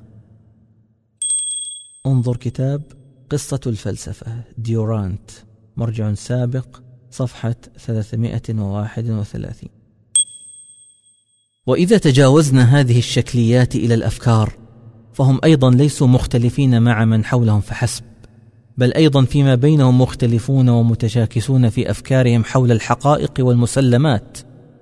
ولقد ضاق فولتير ذرعا بأقرانه الفلاسفة قديما وحديثا وقال إن رئيس كل مذهب من مذاهب الفلسفة كان دجالا نوعا ما وقال كلما سرت أكثر زادت قناعتي أن الميتافيزيقيا الغيبيات بالنسبة إلى الفلاسفة كالقصص بالنسبة إلى النساء. انظر كتاب قصة الفلسفة ديورانت مرجع سابق صفحة 291 لقد كان فولتير الأديب والفيلسوف شجاعا في طرح أفكاره وله مواقف قوية ضد الخرافة التي يمقتها بشدة بينما يقدر جدا السعي للبحث عن الحقيقة بعيدا عن الخرافة والأوهام. وقد أورد قصته مع الكاهن البرهمي الذي تمنى لو لم يولد أبدا. فلما سأله فولتير عن سبب هذا الإحباط أجاب بأنه قضى أربعين سنة في الدراسة وخسارة الوقت معتقدا أنه مركب من المادة دون أن يستطيع إقناع نفسه بحقيقة ذلك. ثم تحدث فولتير في اليوم نفسه مع امرأة عجوز تعيش قريبا من ذلك البرهمي. وسألها فيما إذا كانت مهتمة لعدم فهمها لكيفية خلقها كما هو حال البرهمي فلم تفهم سؤاله أصلا ونفت أنها تفكر في شيء مما يشغل به البرهمي نفسه ويفني به عمره مكتفية باعتقادها بإله الهندوس. تعتقد أنها أسعد الناس إذا ما سكبت قليلا من ماء النهر المقدس على جسدها ولما وجه فولتير سؤاله إلى ذلك الكاهن قائلا ألا تشعر بالخجل من شقائك؟ بينما تشاهد امرأة قد أراحت نفسها مما أنت فيه وعلى مقربة منك لمجرد أنها لا تشغل نفسها بما أشغلت به نفسك؟ أجاب بقوله لقد قلت لنفسي أكثر من مرة إني لو كنت جاهلا كجارة العجوز لكنت سعيدا. ومع ذلك فإن مثل هذه السعادة الغافلة عند العجوز لا أريدها ولا أرغب فيها. انظر كتاب قصة الفلسفة ديورانت مرجع سابق صفحة 292 ولعل سبب رفضه لحياة تلك العجوز هو كونها تعتقد بآلهة الهندوس الخرافية الشركية فسعادتها ظاهرية غير متجذرة في أعماق الفكر والعقل. إذ لو كانت تؤمن بالإله الحق لربما تشرب موقفها ولكنه كان حريصا على الحقيقة. ومن الواضح أنه كان مستعدا لتقبلها إذا اتضحت له. ولا يبدو أنه مستعد للانتقال من خرافة إلى أخرى. والعقل السليم يثبت أن ايمانا يتوصل إليه الإنسان بالبحث والتفكر والتأمل. خير ألف مرة من إيمان جامد موروث. قد لا يصمد ثانية أمام رياح العصف الفكري العالمي أو الابتلاءات والمحن. ويتكرر المشهد مع شخصية لينين المثيرة للجدل. فقد كان لظروف نشأته أثر جوهري في طبيعة أفكاره التي تشكلت نتيجة للبيئة القاسية. فقد نشأ في أسرة مضطربة بائسة حيث كان جميع إخوانه ثوريين متمردين. وكان أخوه الأكبر عضوا في منظمة إرهابية فحكم عليه بالإعدام شنقا لانتمائه إليها فأثر ذلك في نفسية لينين وزرعت فيه غريزة الانتقام الحادة التي لازمته طوال حياته وبعد طرده من الجامعة تحول إلى الماركسية وأطلق على نفسه لينين بعد أن تجاوز الثلاثين من عمره. انظر كتاب موسوعة الفلسفة بدوي مرجع سابق الجزء الثاني صفحة 401 وكذلك كانت الظروف القاسية تصنع شخصية رفيق دربه كارل ماركس الذي أقام في لندن عام 1849 من الميلاد في ضنك وفقر مدقع. عرضه هو وأسرته للجوع حتى مات على إثره ولداه. فلم يجد قيمة دفنهما فتكون لديه ميول لعبادة العمل والعمال والنقمة على الراسماليه وهو الذي ينسب إليه مذهب الماركسية بجميع فظائعه وضحاياه ومآسيه السوداء. والغريب أن مصطلح الماركسية قد أطلقه أتباع خصمه كونيه قدحا في انحرافه هو وأتباعه عن المبادئ الاشتراكية. انظر كتاب موسوعة الفلسفة بدوي مرجع سابق الجزء الثاني صفحة 418 التي كانوا يتمسكون بها وكلنا سمع بتلك العبارة المستفزة التي أطلقها ماركس عندما وصف الدين بقوله الدين أفيون الشعوب وكنا نظن أن ماركس قد تجرد من كل دين وأن هذا موقفه من الأديان الصحيحة فتبين أنه لم يكن مخطئا حين أطلقها في سياق يقصد به أن الأغنياء والحكام يستغلون مفهوم الدين الشعوبي لتخدير الفقراء وحملهم على تحمل البؤس والسكوت عن حقوقهم المشروعة وعدم المطالبة بها مقابل انتظارهم دخول الجنة والأجر بعد الموت. انظر كتاب وهم الإلحاد. شريف مرجع سابق خمسة وعشرين. ومن ثم تستأثر الأقلية بحقوق الأغلبية وامتيازاتهم والذي يؤكد هذا الاستنتاج أن ماركس نفسه رغم عناده واستكباره عن الحق الذي يعلمه قد تراجع في حدته المعارضة للأديان آخر حياته وكتب رسالة إلى صديقه إنجليز. فريدريك إنجليز كانت ولادته عام 1820 وتوفي عام 1895 من الميلاد. الموافق لعام 1235 1312 من الهجرة. ولد من أب متزمت دينيا وكان إنجليز ابنه الأكبر. أعجب بفكر الفيلسوف الألماني هيجل ويعد إنجلز المسؤول الأول مع كارل ماركس عن نشوء المذهب الماركسي أي النظرية الشيوعية العلمية نظرية المادية الجدلية. Encyclopedia Britannica فريدريك إنجلز أوسكار جي هامين last updated 7 8 2014 يشيد فيها بروح الدين الإسلامي الذي كان وقودا للثورة المهدوية في السودان التي هزمت الإمبريالية البريطانية. انظر كتاب مدخل إلى الفلسفة السياسية. محمد وقيع الله أحمد مرجع سابق صفحة 212 يقول الأستاذ نبيل محمد صغير نبيل محمد صغير هو باحث وأكاديمي من جامعة مولود معري تيزي أوزو الجزائر.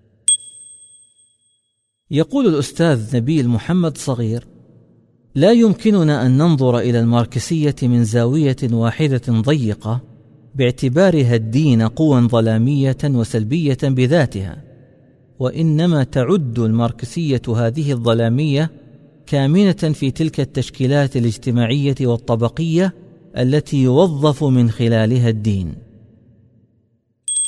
انظر فلسفة الدين. مجموعة من المؤلفين بإشراف علي عبود المحمداوي مقال مقاربة فلسفية للرؤية الماركسية للدين وتفكيك مقولة الدين أفيون الشعوب للكاتب نبيل محمد صغير. دار الأمان الرباط الطبعة الأولى عام 2012 من الميلاد صفحة 146 وممن تمسك بموقفه بعناد ثم غيره بعد أن استسلم للقدر جون ميل الذي كان يؤمن بسلطة العقل المطلقة حتى مرت به أزمة عقلية أرغمته أن يغير موقفه ويؤمن بوجود العاطفة إلى جوار العقل. انظر كتاب موسوعة الفلسفة بدوي مرجع سابق الجزء الثاني صفحة 467 وتكرر الموقف أيضا مع الفيلسوف الملحد ديفيد هيوم. الذي نشأ هو الآخر يتيما متدينا عند عمه القسيس جورج المتشدد في الأخلاق والدين. ما ولد لدى هيوم كراهية للدين المسيحي خاصة وللأديان عامة. فنفر من التدين أشد النفور وعندما ألح عليه أهله بدراسة القانون بهدف التكسب رفض وتعرض لأزمة نفسية كادت تقضي عليه. وعلى الرغم مما نشره من محاولات لإبطال حجج المستدلين بوجود الخالق استدلالا بالكون المحكم إلا أنه قال في آخر حياته لا مانع من أن يكون هناك إله. وقبول هذا الأمر بالنسبة إليه كان مشروطا في اتجاه الفطرة حيث شدد على أن هذا الإله يجب أن لا يشبه إله الأديان إلا من بعيد.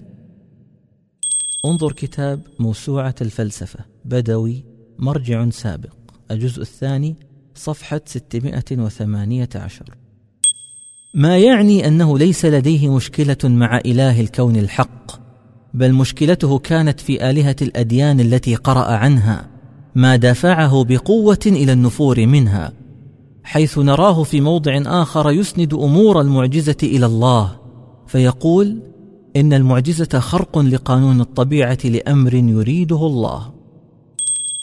انظر كتاب الفلسفة ببساطة ويلسون مرجع سابق صفحة 137 138 ويعترف بوجود حالات يكون من المعقول التصديق فيها بحدوث أمور غير مألوفة لكنه يشترط تواتر الخبر عنها.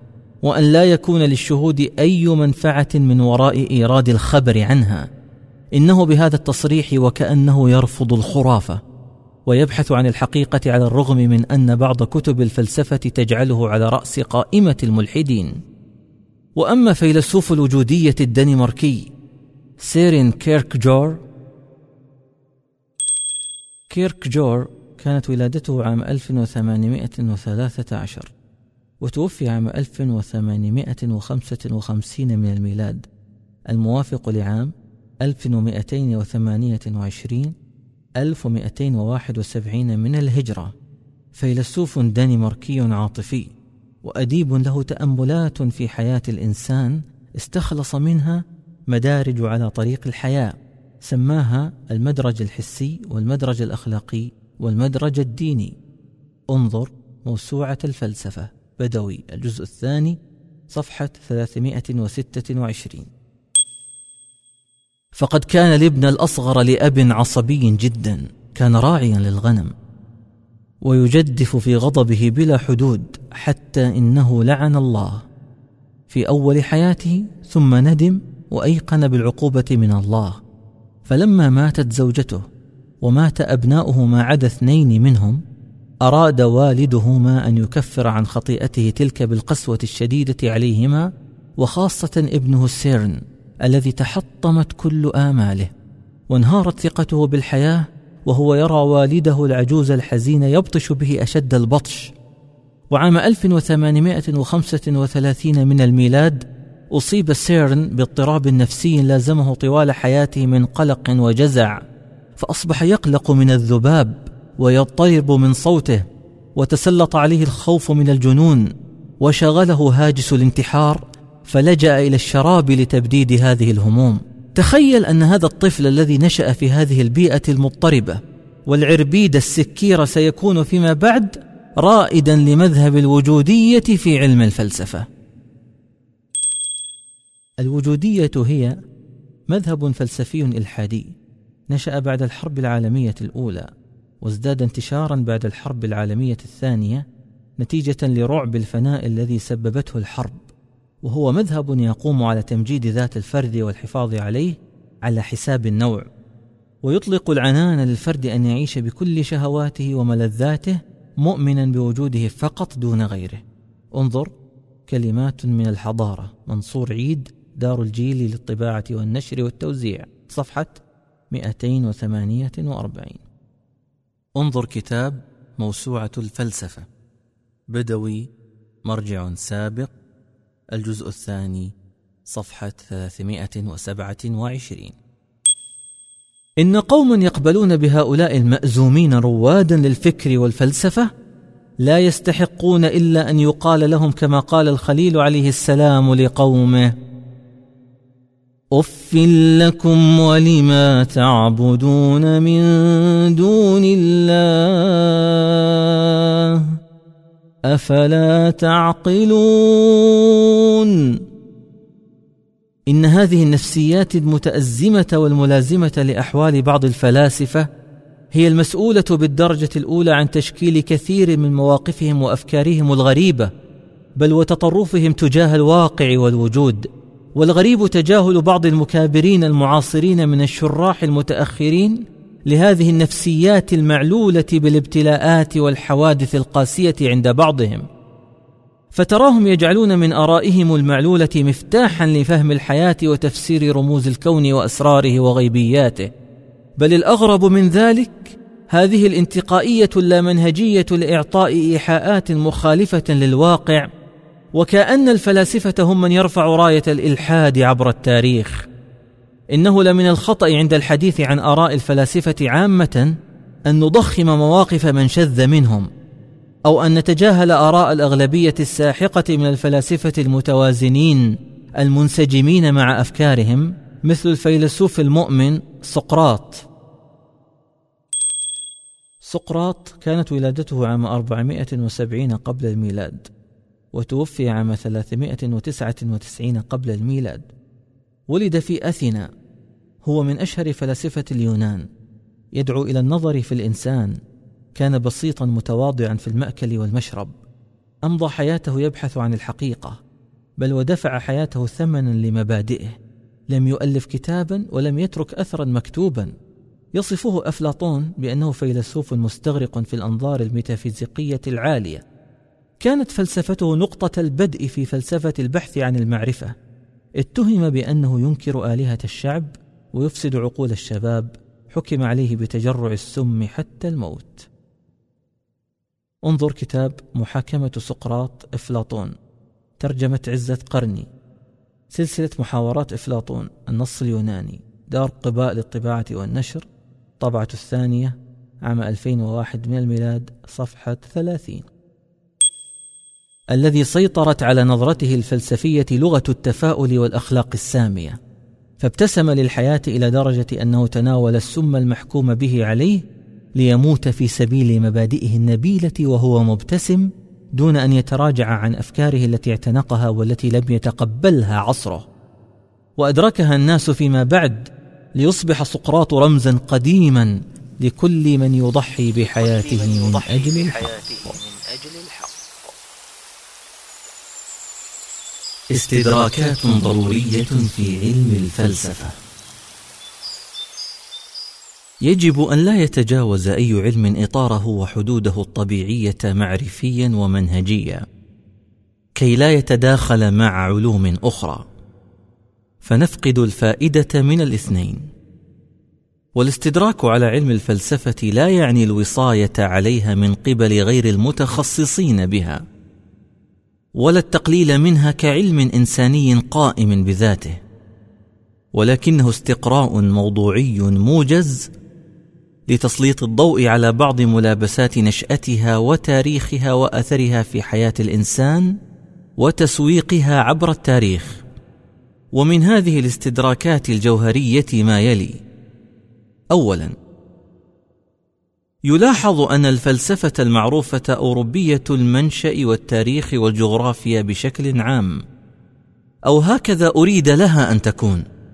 مع غياب ملحوظ لفلاسفة الحضارات الأخرى خاصة الشرقية منها كالحضارتين الصينية والهندية اللتين تزاحمان الزمن للحصول على مقعد في منصة الفلسفة العالمية التي تتصدرها الفلسفة الغربية قديما وحديثا.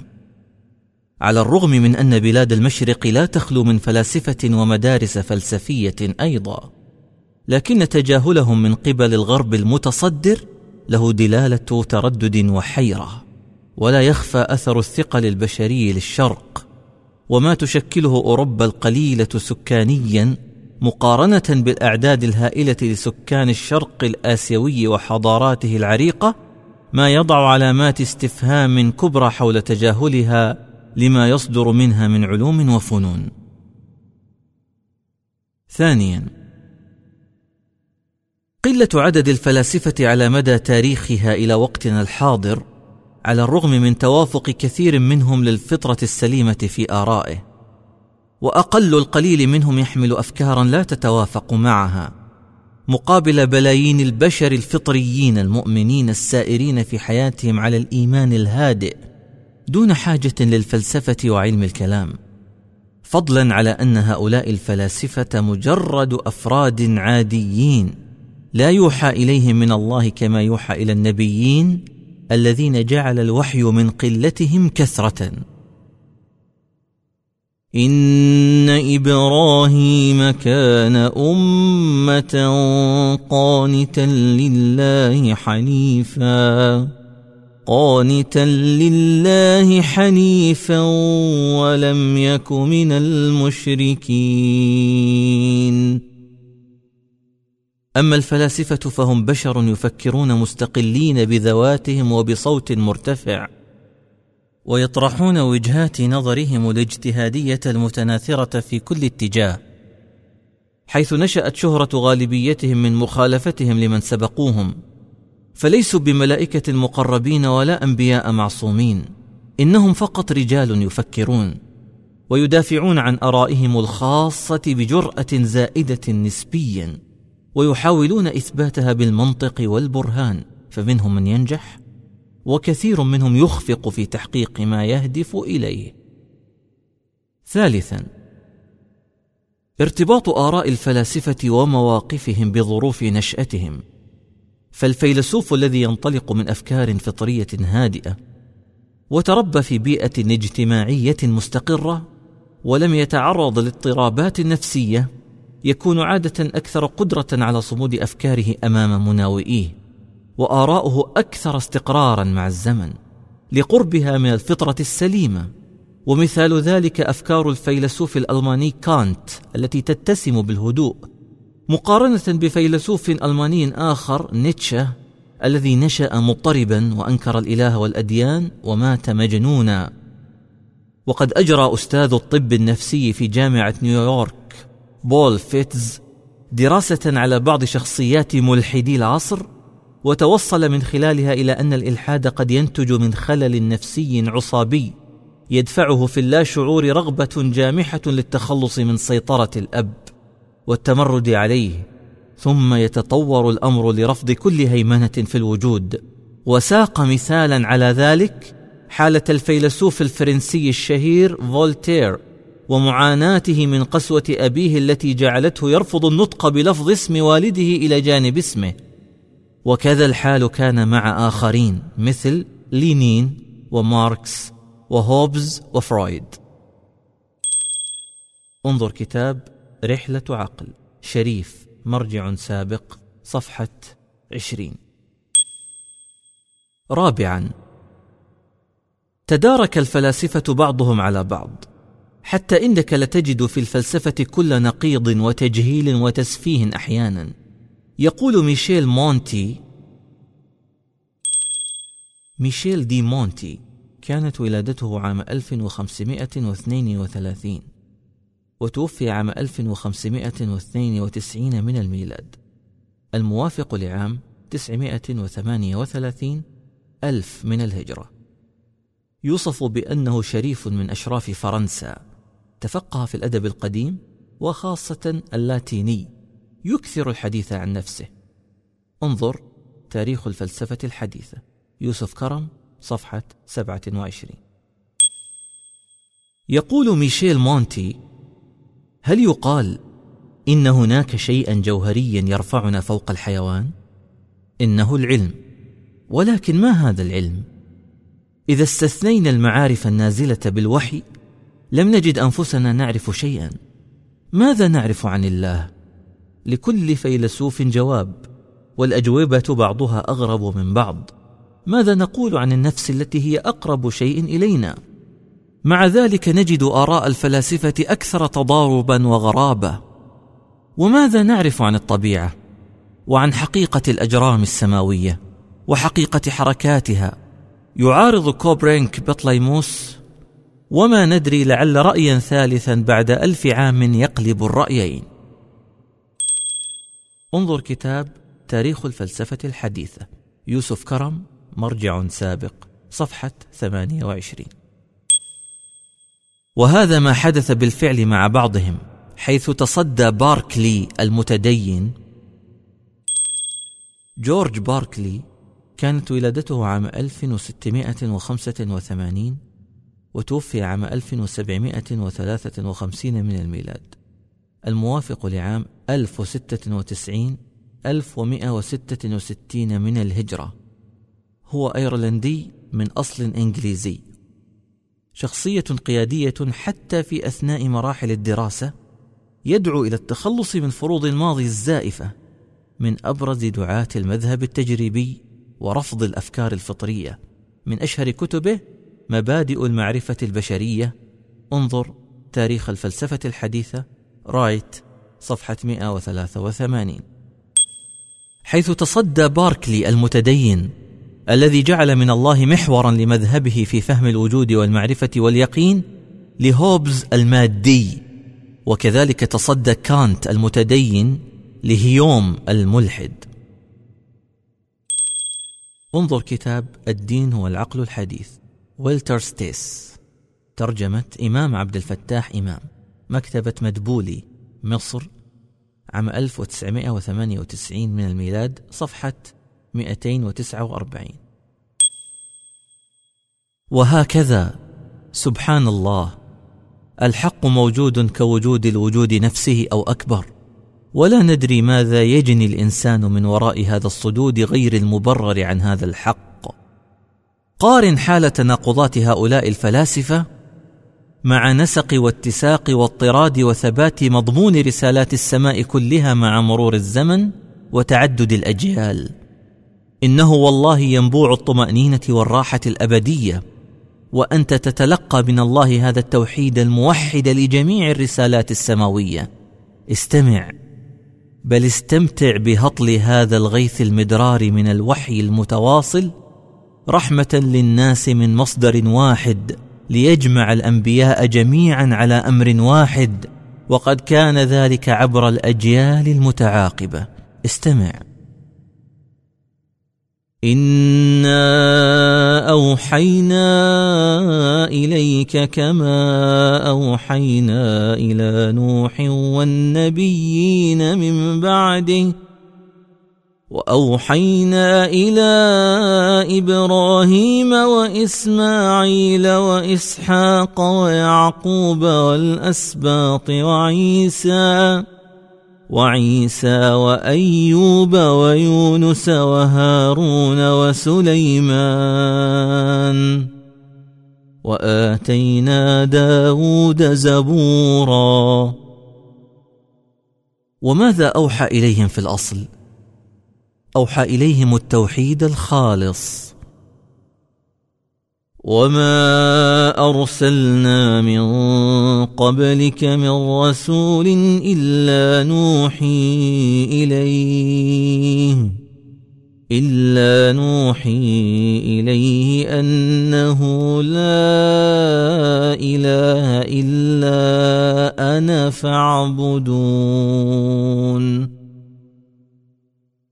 عجبا من أمة هذا قدرها العظيم الصافي من الرعاية الربانية وتلتفت إلى غيره من الخلق التائهين الضعفاء.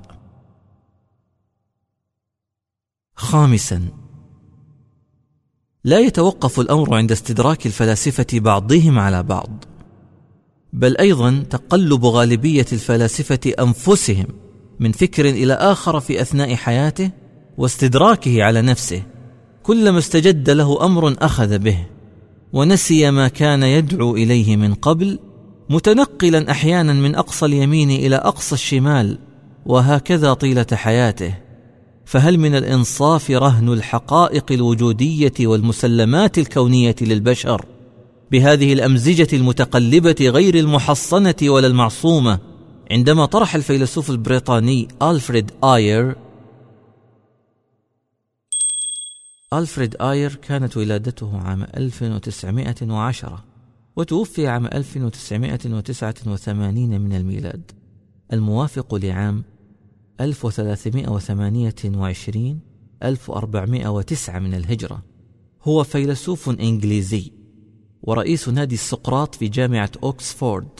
طرح في كتابه اللغة والحقيقة والمنطق مفهوم الفلسفة الوضعية المنطقية. التي لا تؤمن بضرورة وجود إله ولا دين ولا روح ولا نفس ولا تدين ولا إلحاد. انظر رحلة عقل عمرو شريف صفحة 37 عندما طرح الفيلسوف البريطاني ألفريد آير مبدأ نظرية الفلسفة الوضعية المنطقية على أساس مبدأ التثبت بحيث يتم قبول أي افتراض نفيا أو اثباتا على التجربة والرياضة والمنطق تماما كما هو الحال في الكيمياء والفيزياء والرياضة فوجئ باستحالة تطبيق هذا المبدأ على العلوم الإنسانية كالفلسفة والمنطق والأخلاق. فأقر بنفسه قائلا إن الفلسفة المنطقية التي اقترحها أصبحت مليئة بالمتناقضات. فأعلن بنفسه وفاتها في خمسينيات القرن الماضي فهو الذي أعلن وفاتها كما أعلن ولادتها من قبل. انظر كتاب وهم الإلحاد شريف مرجع سابق صفحة 28 سادسا على الرغم من جهود الفلاسفة ورقي لغتهم وثراء مصطلحاتهم إلا أنه ينبغي أن لا نكترث كثيرا بنتاجهم الفكري ومحاولاتهم المستميتة للوصول إلى شيء من تفسير علم الوجود بعيدا عن الوحي لأنهم ببساطة لم يتجاوزوا التخمينات الافتراضية. يقول كارل ياسبرز كارل ياسبرز كانت ولادته عام 1883 وتوفي عام 1969 من الميلاد. الموافق لعام 1300 1388 من الهجرة. هو فيلسوف ألماني وجودي. لا يعد للفلسفة مبادئ بقدر ما يعد دراسة الأفراد مجتمعة هي الفلسفة.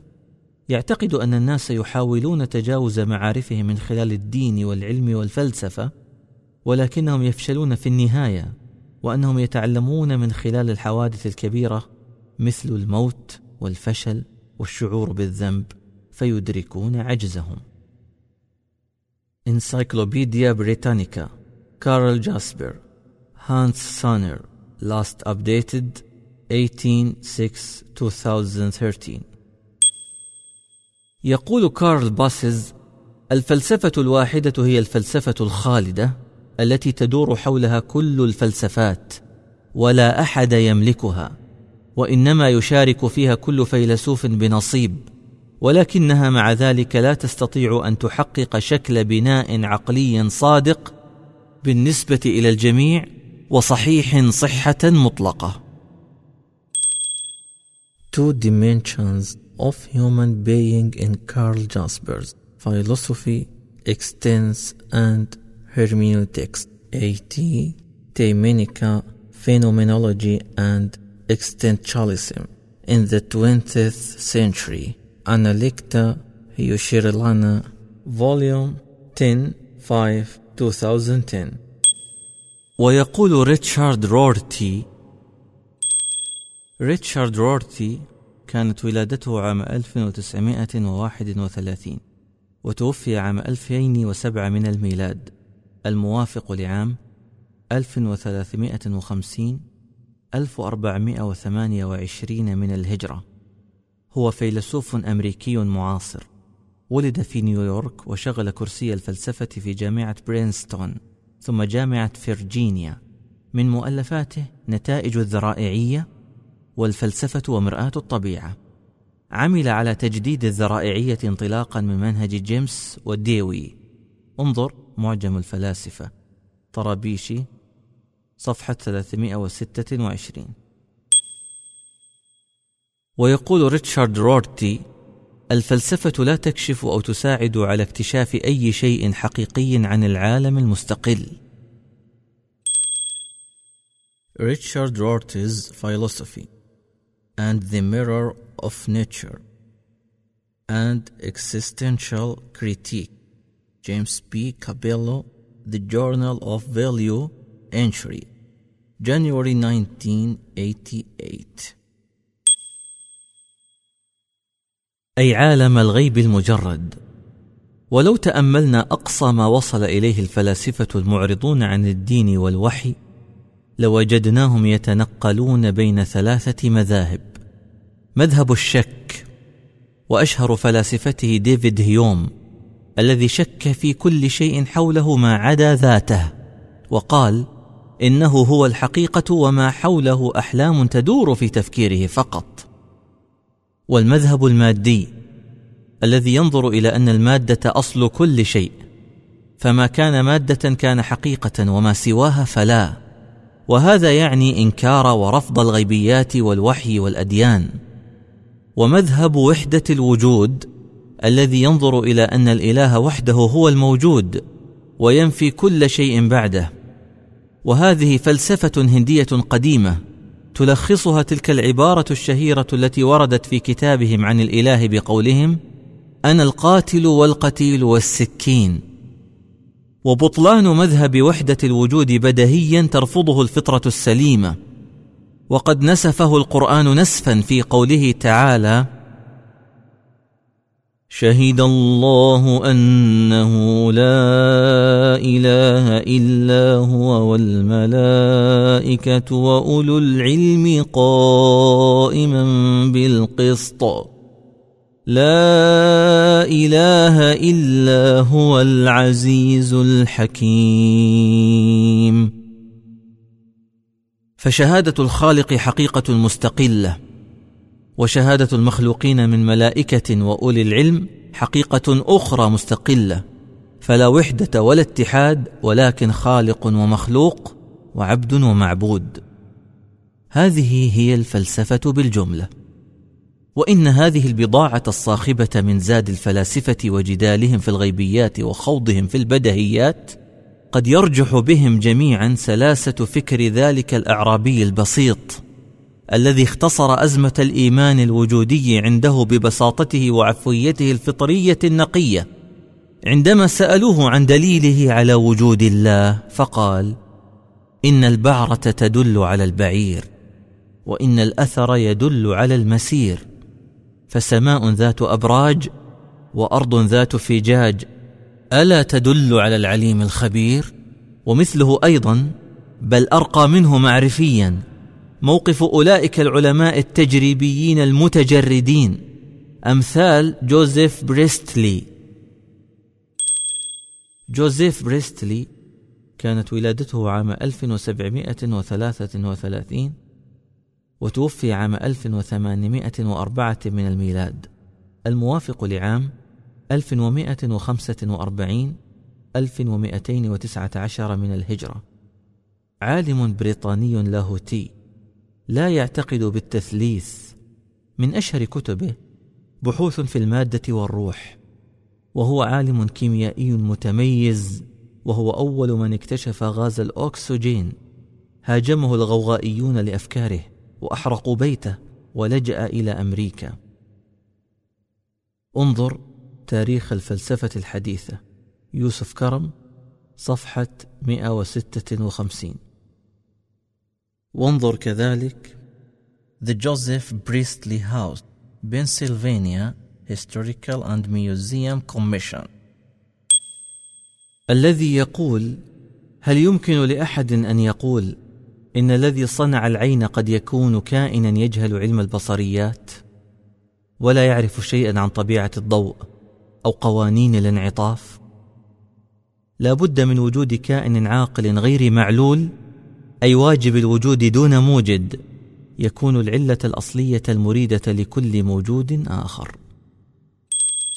انظر كتاب الفلسفة ببساطة ويلسون مرجع سابق صفحة 262 وعلى طريقة الاستنباط الفطري نفسها يقول ويليام بالي في معرض حديثه عن الأدلة على وجود الذات الإلهية وصفاتها مأخوذة من مظاهر الطبيعة.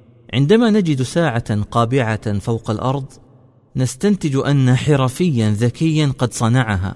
عندما نجد حيوانات ونباتات قد صممت تصميما معقدا وتتكيف على نحو رائع ينبغي بالمثل أن نستنتج أن خالقا قديرا حكيما قد صنعها.